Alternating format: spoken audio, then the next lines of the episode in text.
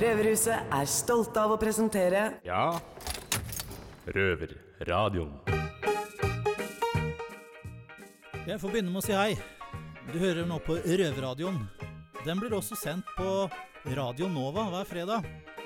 Uansett, i dag skal vi høre litt om Eddie Haugen. Han er en innsatt her i Oslo fengsel. Wolli, hvem flere skal vi møte i dag?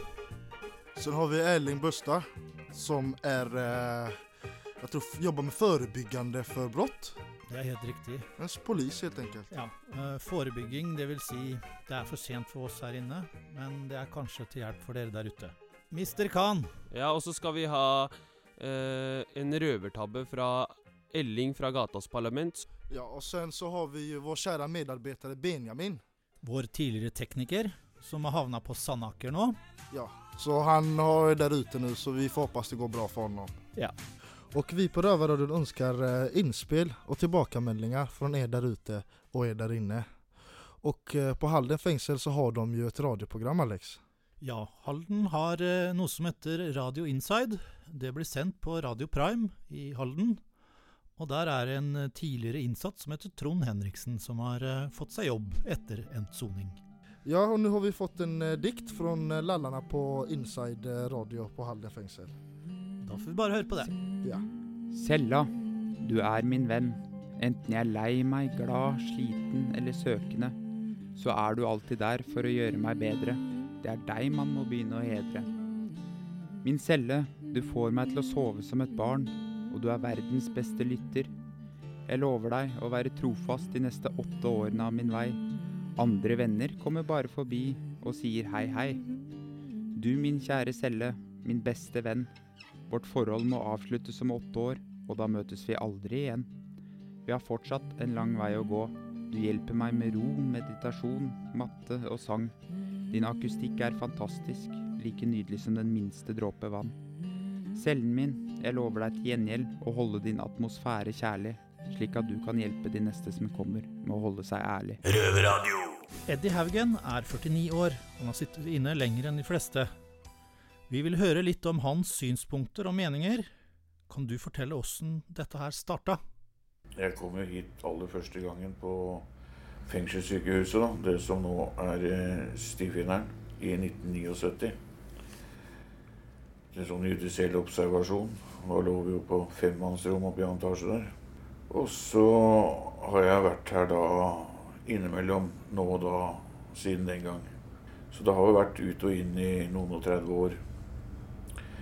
Men eh, man påstår da at eh, disse oppholdene har redda livet mitt. da. De har liksom fått en pause og fått i meg litt mat og sånne ting, og så fører jeg ut igjen. Jeg vet ikke om det er sant, men eh, Hva føler du sjøl?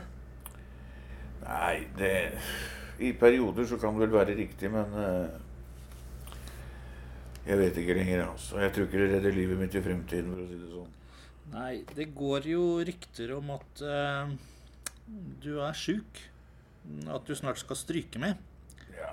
Som kriminell så har du jo dårlig moral. Har du vurdert tanken på organtyveri med tanke på å forlenge ditt eget liv?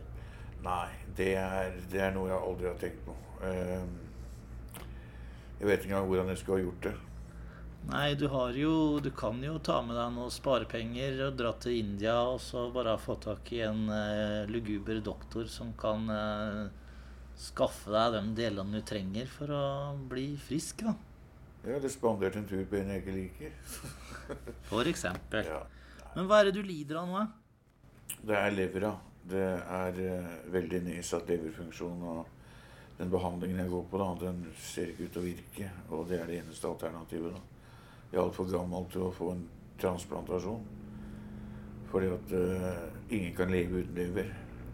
Nei, jeg har hørt rykter om det. Ja, sånn at skal jeg få levra til en annen, så må jo han da dø. Ja. Du er jo kynisk. Jo, men det er ikke så lett å få til det, vet du. Har du sparepenger, så går alt. Ja, men eh, Ja, kanskje. I arbeid. Nå skal ikke jeg sette deg på noen dårlige planer, men eh, eh, som sagt, du har jo gjort mye rart. Ja. Angrer du på noe av det du har gjort? Ja, det gjør jeg. Absolutt. Eh, Jeg angrer også på ting jeg ikke har gjort, men uh, mye virker bortkasta liksom, i ettertid å sitte og tenke tilbake. Det er veldig mye jeg ville ha gjort annerledes hvis jeg kunne. Som for eksempel hva da? Nei, som f.eks. unngått å gjøre en del ting som har fått meg i fengsel i tidligere år. Gjort en del andre valg for livet. Så hadde det kanskje blitt bedre. Men du vet, er man narkoman, så så åpner man på en måte døra til en helt ny verden. Også. Hva føler du at kriminalomsorgen kunne gjort annerledes for å rehabilitere deg? Når jeg dro fra, eller ble kasta ut da, fra Ulvsnesøy i 1980, da skulle det bli en underavdeling av Bergen fengsel. da. Og jeg fikk bare en togbillett til Oslo. Og så skulle møte en fra kriminalomsorgen da på Stovner-senteret dagen etter. Og fra toget kom til Oslo, da, og jeg dro på Stovner, så satt jeg utenfor senteret hele natta til det åpna. Jeg fikk kontakt med hun dama. Da fikk jeg en rekvisisjon ned til et sted som het Oregon House, Bed and Breakfast, som lå i Rosenkransgata, nede ved rådhuset. Og der bodde jo bare gamle venner, sniffevenner, bare horer og bare dritt. Og så var det på'n igjen med en gang. Og høsten samme år så kom jeg her da, på fengselssykehuset for første gang. Sånn at uh, de årene på Ulvsnesøy var jo helt bortkasta. Jeg skulle jo liksom være ferdig rehabilitert da i 79. Etter et helt liv på gata her i Oslo. Og uh, når jeg da kommer tilbake, så møter jeg det gamle livet som barnevernet henta meg fra. Og da er jeg bare 15 år gammel eller noe sånt. Eller 16 år. Og jeg sona jo i hvert fall to dommer her i Oslo fengsel før jeg ble myndig. Ja, det er jo ikke noe bra start på livet. Nei, det er ikke det. Så jeg føler absolutt at kriminalomsorgen og barnevernet kunne ha gjort mye, mye mer. Mm. Så ville kanskje livet ha blitt annerledes også. Under soninga di har du tatt noe utdannelse. Har du noen gang hatt noe ærlig, ærlig jobb, forresten? Jeg har hatt sånne strøjobber bare. Ikke noe mer enn det. Hva er det du tenker om eh, hvis du hadde valgt annerledes utdanning? Hvordan tror du livet ditt hadde vært da? Da tror jeg nok livet hadde vært veldig bra. Hvis jeg den gangen, når Ulfsnesøy ble stengt, hadde blitt sendt et annet sted, hvor det var litt mer tilrettelagt for, for utdanning og å komme inn i et nytt miljø, plassert i en helt ny by f.eks., og ikke kjent et menneske, så tror jeg nok at ting hadde vært veldig annerledes, at livet hadde blitt et helt annet. Men du vet, når du plasseres på et hospice hvor det bare bor kriminelle, halvparten av dem kjente jeg fra før, da, da går det til helvete. Ja, det blir vel mest sannsynlig ikke noe bedre, for å si det sånn. Nei, det blir bare verre. Ja. Men uh, har du noe råd eller tips til folk der ute som er i ferd med å bli kriminelle?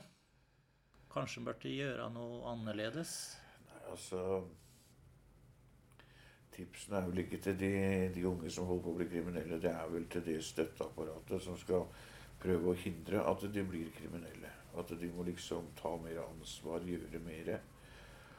Og håpe at man kan liksom lære av min historie. Da, at her ble det ikke gjort nok. Og derfor ble resultatet som det ble. Unge mennesker er jo lettpåvirkelige.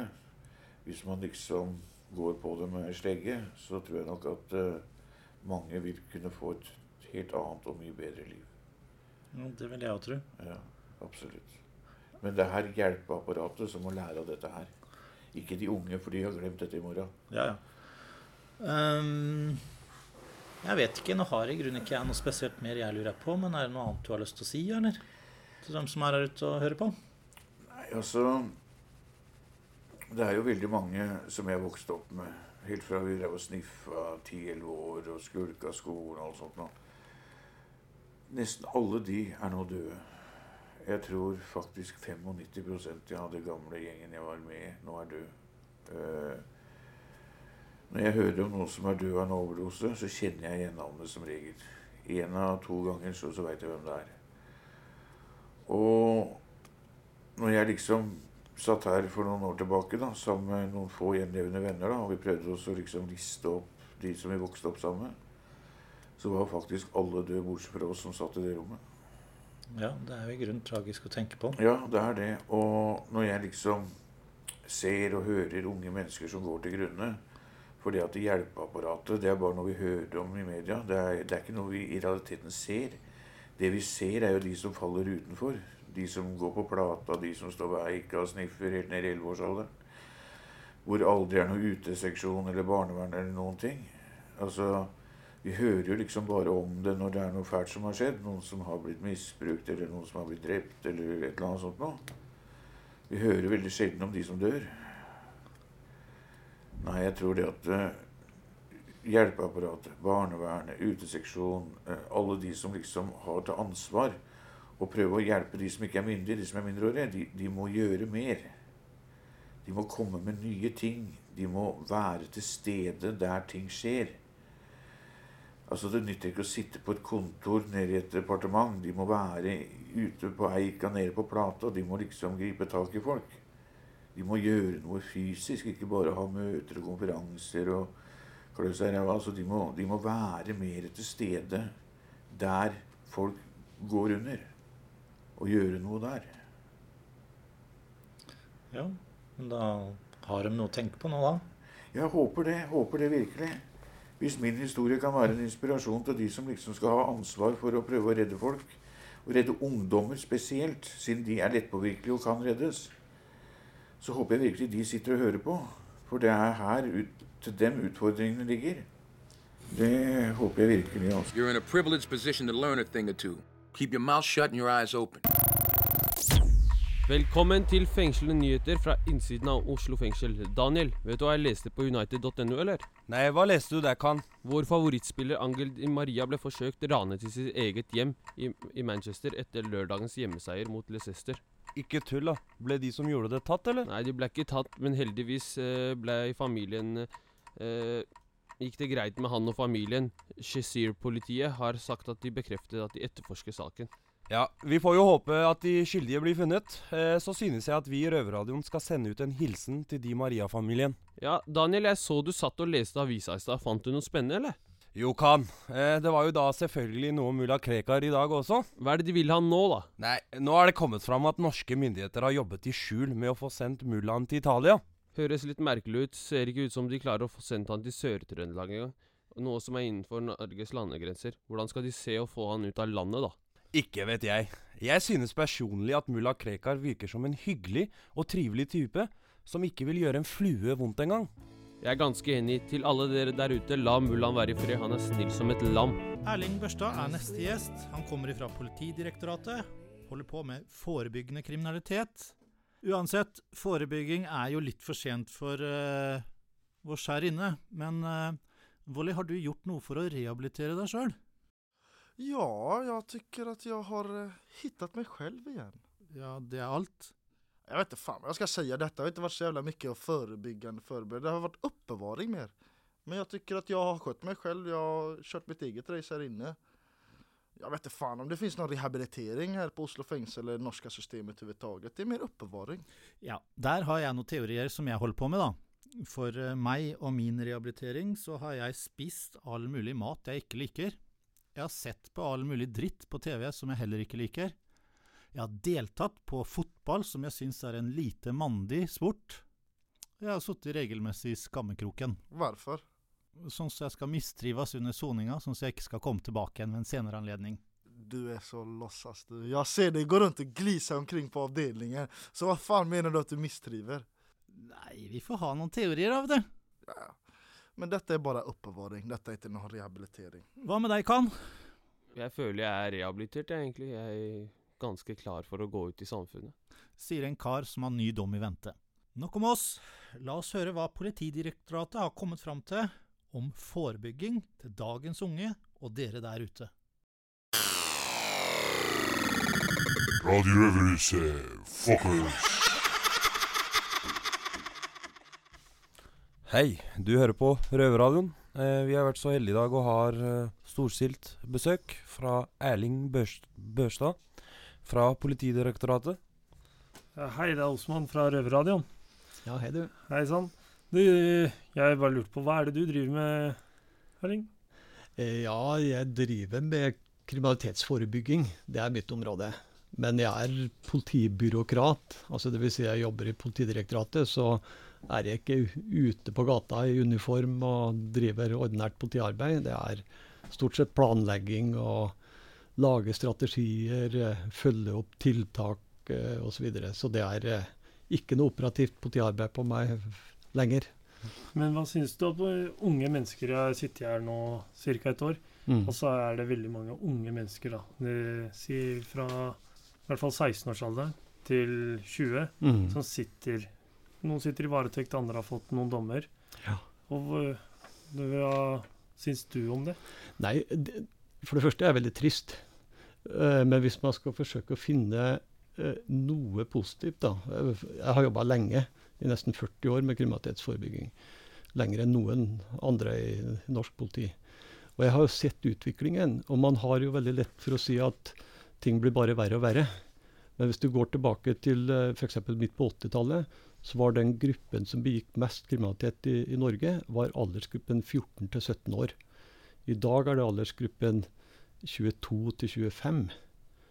Og det er svært få eh, altså Hvis man sammenligner med resten av verden, så er det tross alt svært få eh, veldig unge som sitter i fengsel i Norge.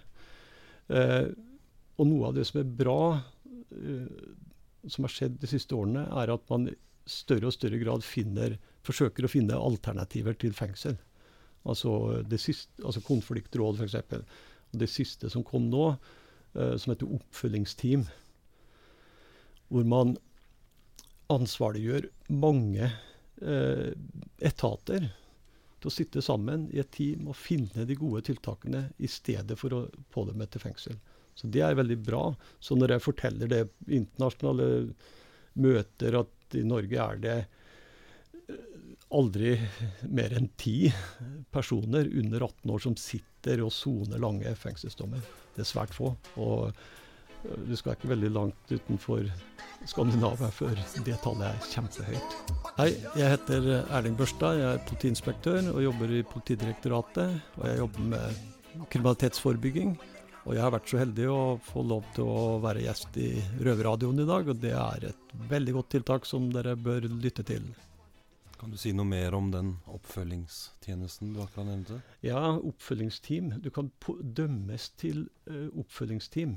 Og, og det betyr at du, du får en ikke bare den som blir dømt som må inngå en kontrakt, men også de gode hjelperne. Altså Det kan være Nav, det kan være skole, det kan være politi, det kan være uh, Det her er ment for unge mennesker, altså? Det er ment for unge mennesker, først og fremst. Fordi bare sånn personlig, jeg husker eh, Jeg har vært en del inn og ut av fengsel. Jeg er Mm. fortsatt ganske ung. Mm. Uh, første gang jeg var i, i fengsel, så var jeg Jeg tror jeg kanskje hadde fylt 16. Ja. Uh, hvor jeg fikk et ikke så veldig langt, men langt nok opphold i fengsel. Mm. Og på en måte rett ut igjen da, på en måte til ingenting. Men jeg husker at det var noe som het Gatepatruljen, eller noe sånt, som Ja. jagde oss, Ja. kan du si. Mm. Så det var jo liksom uh, sånn det blei til. da. De tok oss for småting. Jeg ringte hjem til foreldrene våre, så vi ble, kom hjem, fikk bank. Ja, ja. Så det ble liksom Det stedet jeg vokste opp på, var det jo gjenger og kriminalitet. Så det ble på en måte lettere å søke det, for da fikk jeg ikke problemer hjemme, for de skjerma meg på en måte fra politiet, enn at politiet så meg med en ølflaske. Et eller annet, og så ringte jeg hjem til foreldrene mine, og så kom jeg hjem til ris, kan du si, da. Mm, ja, jeg skjønner. Så- Og det er jo en historie som du sikkert deler med veldig mange. Men samtidig så er det jo historier hvor, hvor noen ser deg på en annen måte.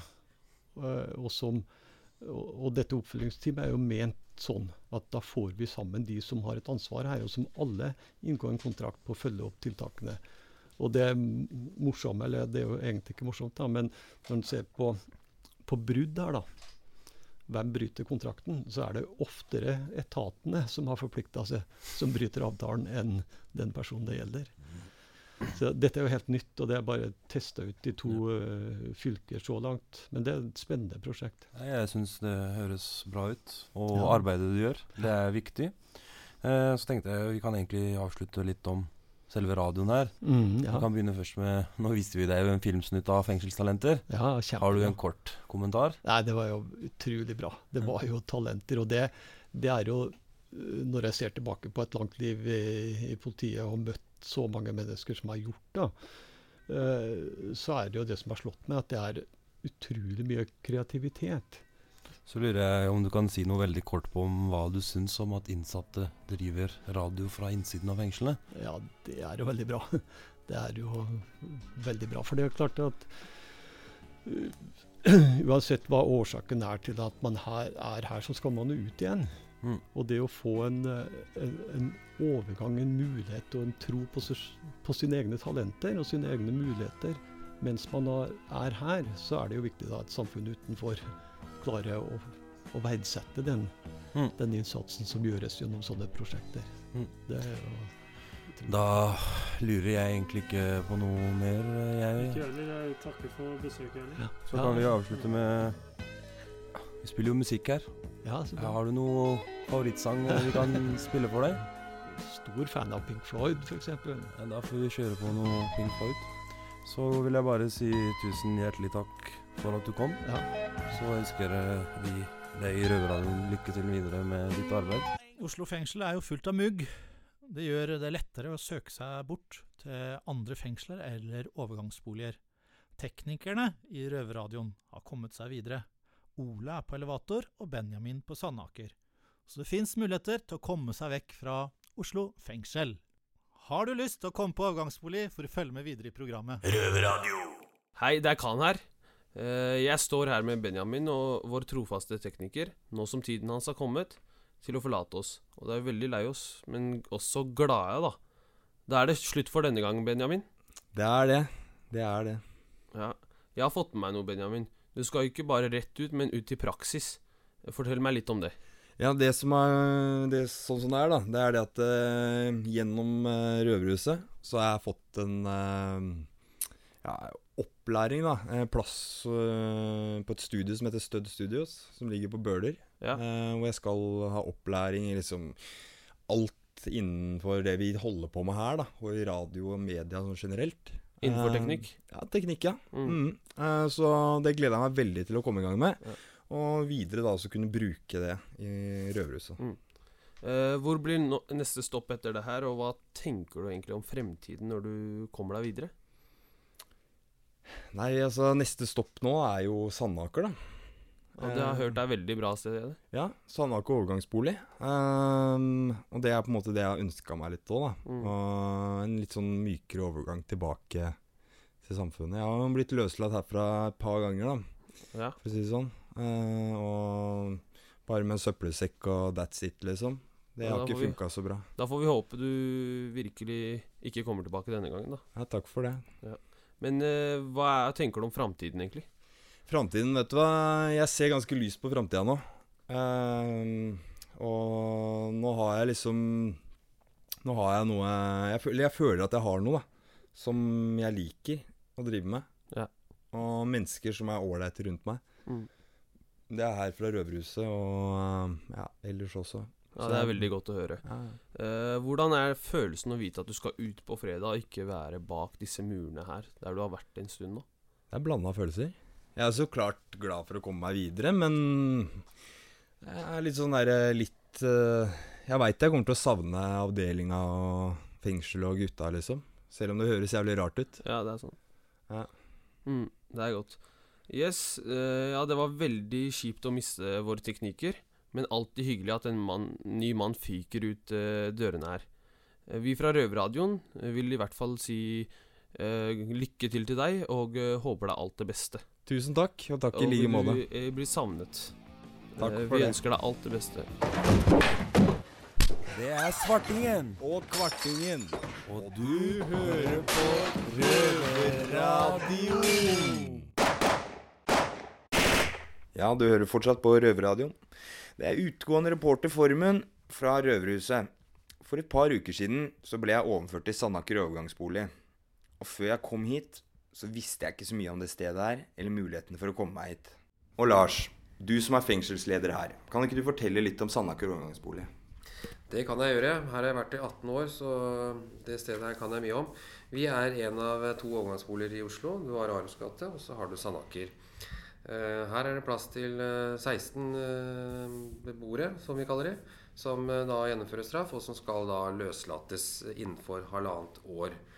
Eh, det er plass til både menn og damer. Et veldig åpent sted. Eh, lav sikkerhet. Alle er ute på jobb eller skole på dagtid og, og har relativt mye permisjoner og ja, lever eh, relativt fritt. Og målet er at man skal normalisere livet sitt før man da blir løslatt. Hvem er det som er i målgruppen for å søke seg hit, da?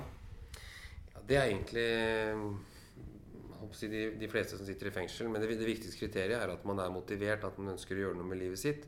Eh, ta et oppgjør med eventuelt rus og annen kriminalitet man har, har drevet med før. Og at man ønsker å leve streit og, og, og, og vanlig. Eh, A4-liv, rett og slett. Jeg pleier å si det går an å gjøre mye rock'n'roll i livet uten at det er kriminelt. Så vi ønsker å treffe mennesker som, som eh, er motivert for det. Og så lurer jeg litt på eh, om du kan fortelle litt om eh, åssen det er å være innsatt her på Sandaker, og kravene dere stiller til de innsatte her. Jeg må innrømme, jeg, uten å skryte, så tror jeg det må være veldig bra å være innsatt her. Jeg har jo aldri sittet i fengsel sjøl, men, men her blir du møtt med respekt, og, og du får folk som, som ønsker deg alt vel, og som jobber tett med deg frem mot en, en best mulig løslatelse. Kravene vi stiller, er at du er eh, selvfølgelig motivert for, for dette her, som sagt. At man ønsker et, et, eh, et godt liv etter løslatelse, og at man samarbeider rundt det sammen med, oss som jobber her. Ellers er det at du eh, håper bare kan være deg selv og være håper vi, en ålreit fyr eller en dame. Eh, Ikke noe mer enn det vi eh, ønsker, egentlig. Jeg kan i hvert fall eh, skrive under på at jeg syns det er veldig ålreit å være innsatt her på Sandaker. Og helt til slutt, kanskje du kan si noe om søkeprosessen hit, og hvem man skal henvende seg til i fengselet man sitter i? Ja, det, det første jeg ville gjort, var å, å sette deg ned og skrive en, en søknad til oss. Begrunn hvorfor du ønsker å komme hit, hvorfor du trenger å være her. Kanskje litt om eh, hva som har skjedd i livet ditt, og hvorfor du sitter i fengsel og sånn. Det trenger ikke være en bok, men eh, kanskje en, en side eller to. Eh, og så kontakt eh, din kontaktbetjent eh, og be han hjelpe deg med å få denne søknaden tatt opp i, i rådet på fengselet, sånn at de får sendt den til oss. Har du ikke en kontaktbetjent, så må du jo be om det, for det, det har du jo krav på. Og så vil forhåpentligvis da fengselet hjelpe deg til å sende søknaden hit. Da vil vi se på den, og, og hvis du er i, i vår målgruppe, som veldig mange er, så vil vi kalle deg inn på et intervju. Og sier du å si, ting vi syns er ok der, altså dvs. Si at du er motivert og ønsker å samarbeide, så, så har du absolutt stor mulighet for å få plass her. Det høres veldig bra ut. Tusen takk til deg, Lars. Nå begynner vi å komme litt på overtid, men følg med videre i sendinga, hvor vi nå skal få høre røvertabbe fra Elling i Gatas Parlament. Hei, du hører nå på Røverradioen. Eh, vi er så heldige i dag og har eh, storstilt besøk fra to kjekke karer. Kan ikke dere fortelle hvem dere er? Jeg heter Elling fra Gatas. Jeg heter Jester. Og til sammen så er vi Gatas Parlament. Eh, vi har jo da noe som heter røvertabber og røverråd i vår sending. Riktig, Røvertabber er da ja, ting vi har gjort som er tabber. Mm. Røverråd er da til utsatte som ikke er innsatte, om hva de skal gjøre. Ja, Så riktig. lurer jeg på, hva er din verste røverstrek? Røvertabbe eller røverråd eh, snakker vi om nå? Kan du få lov Jeg lurer på det verste du har gjort, det. Ja, nei, det tror jeg ikke Det tror jeg ikke du får høre. Eh, Nei, altså, jeg er jo vokst opp i strøket her. Ja. Så jeg er vant til at det ofte er høl i veggen. For det, det har jo skjedd litt opp igjennom at noen, eh, noen skal ut, da. Ikke sant? Og så er de ivrige, ivrige da. En, de som har ikke tid til å vente på den datoen som er gitt. Så, så de tar seg ut gjennom veggen. Det skjer innimellom. Ja, sånn. Eh, og så, men, men det det er klart at eh, sånn på utsida Det blir jo lagd mye styr om. Så det kan hende at man får litt sånn inntrykk at det skjer noe oftere enn det det egentlig skjer. da. Mm. Men det jeg kan si, er at jeg har jo på en gang eh, ved et tilfelle eh, bryte meg inn i fengsel. Det er jo Eh, uvanlig da å bryte seg inn. De fleste ja, det- pleier å bryte seg ut. Ja, ikke sant, ikke sant. Så i hvert fall så har vi en demonstrasjon da, i solidaritet med de innsatte, og det foregår da på Bredtvet kvinnefengsel. Så vi er en gjeng fra Blitz, egentlig, som står utafor der og, og Iført fangedrakter med instrumenter. Ja, jeg hadde verken eller, ja, altså, men jeg var nå med, da. I hvert fall så har vi noe sånn parafingreier og sånn som vi har og maler på de her gjerdene, og så begynner vi å klippe opp de gjerdene. Jeg må innrømme det at vi hadde jo ikke egentlig forventa å lykkes. Vi regna med at uh, her skulle vi bæres bort uh, relativt fort.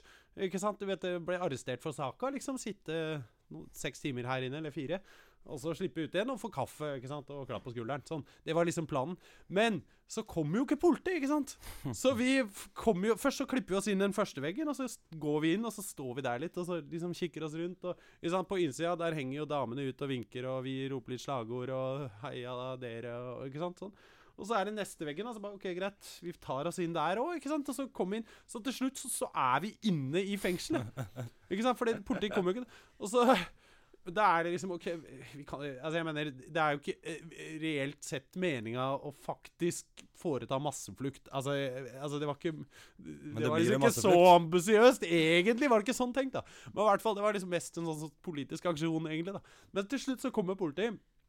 Og da kjører de ut vet, Bredtvet kvinnefengsel ligger litt fra motorveien her. Er sånn? Så, og så er det, det Dette her er ganske øde avsides, da. I hvert fall, ikke sant Ja. I hvert fall så kommer politiet, så står dem en gjeng her, og så står blitzeren en gjeng her, og så er det eh, brushue fra Blitz som begynner å telle ned. Ti, ni, åtte sånn, Alle er med på greia. Og jeg er liksom OK, eh, skal vi telle ned Skal vi ikke heller bare stikke, liksom? Sånn tenkte jeg, da. Men så idet vi kommer til null, da, så braser liksom politiet og blitzerne mot hverandre. Helt synkront. Det var liksom avtale. Og jeg gjør ikke det, da. Jeg løper til sida og løper rundt. Og så beiner jo jeg alt jeg kan, da, ikke sant, med politi i hælene. Altså, det løper da en politimann etter meg. Igjen ikke helt seriøst ment, egentlig. Jeg hadde ikke egentlig tenkt å Altså, jeg, planen min var jo å bli taua og sitte på glatta i noen timer og komme ut igjen. ikke sant? Det var det, var det jeg var forberedt på. Men idet jeg løper, så kommer han politimann etter med kølla heva, og så bare 'Kom tilbake, skal jeg faen meg stappe kølla opp i ræva på deg!' og der løper jeg foran, og jeg bare og, Det var ikke så motiverende, da, så jeg bare løp videre. Og så løper jeg bort til motorveien der, ikke sant? Og politiet etter han har jo stort battleutstyr, ikke sant? Og tungt og greier. Jeg har joggesko. Jeg løper fra fyren. Og så tar jeg taxi når jeg kommer til motorveien. Og så drar jeg hjem, koker kaffe, tar kaffe på termos, og så steller jeg meg opp her ikke sant, for å ta imot folk som kommer ut. Mm. Så jeg følte jo at det Ålreit dagsjobb, det, på en måte. ikke sant? Jeg, jeg bryter meg inn i fengsel, stikker jeg fra politiet, ikke sant? og nå kommer jeg for å gi kaffe. Men så får jeg kjeft av de andre blitzerne fordi faen, jeg har stikket av, ikke sant? Alle andre har blitt taua, og du bare løper! Ja, så, ja. så det tror jeg er røvertabben, kanskje. Ja, men det er jo viktig, da. Du viser jo at du bryr deg om de på innsida også. Jo. Så det kan vi si er en rødbetave. Ja, kanskje den beste jeg vet, jeg vet det Jeg- Kanskje jeg det beste vi har hatt uh, til nå. Altså, det, det er jo Det er kanskje røverråd, for jeg, jeg kommer jo meg unna. Ja, ja. Ja. Det er godt råd. Men det du bryr deg om innsatte. Er det derfor dere gjorde det, eller? Ja, ja, det var en sånn aksjon om, om jeg kåra til de innsatte. Oh, oh, oh, oh. Radio Røverhuset, fuckers. Ja, da er jo Røverradioen ferdig for denne gang. Oppsummering av sendinga er jo helt unødvendig. Den har jo allerede hørt. Men i neste sending så skal vi møte en trivelig liten kar som heter Vidar Letto. Sist gang jeg målte meg, det var faktisk du, Mina, som målte meg. Da kom vi til Det var du og Patricia, og da kom vi til 1,28,5. Og Daniel, hvem flere skal vi ha? Eh, vi skal ha et intervju med tidligere innsatt uh, Ralf Oman. Eh, han er jo da rapper eh, som har sluppet ut fra Halden fengsel. Jeg har jo hørt noe av musikken hans. Eh, det, funker. Eh, og så skal vi høre mer fra en utgående røverreporter, Alexander, som deler eh, sin blogg eh, om åssen det er å være på rehab og være en lovlydig borger. Han har jo da gått over fra narkotika på gata til statlig narkotika da på rehab. Sjakkpundlare, så säger jag. Ja, du kan jo kalle det det. På svensk. Ja. Men uansett. Ja, takk til dere der ute som støtter oss og dere her inne. Vi må også påminne dere där ute at alle, kan, alla sändningar sänds... Jeg tapper det. Alle sendingene kan du høre og muligens se på på røverhuset.no. Og der kan dere gi oss ris og ros, men helst ros. Og så er vi tilbake til neste fredag.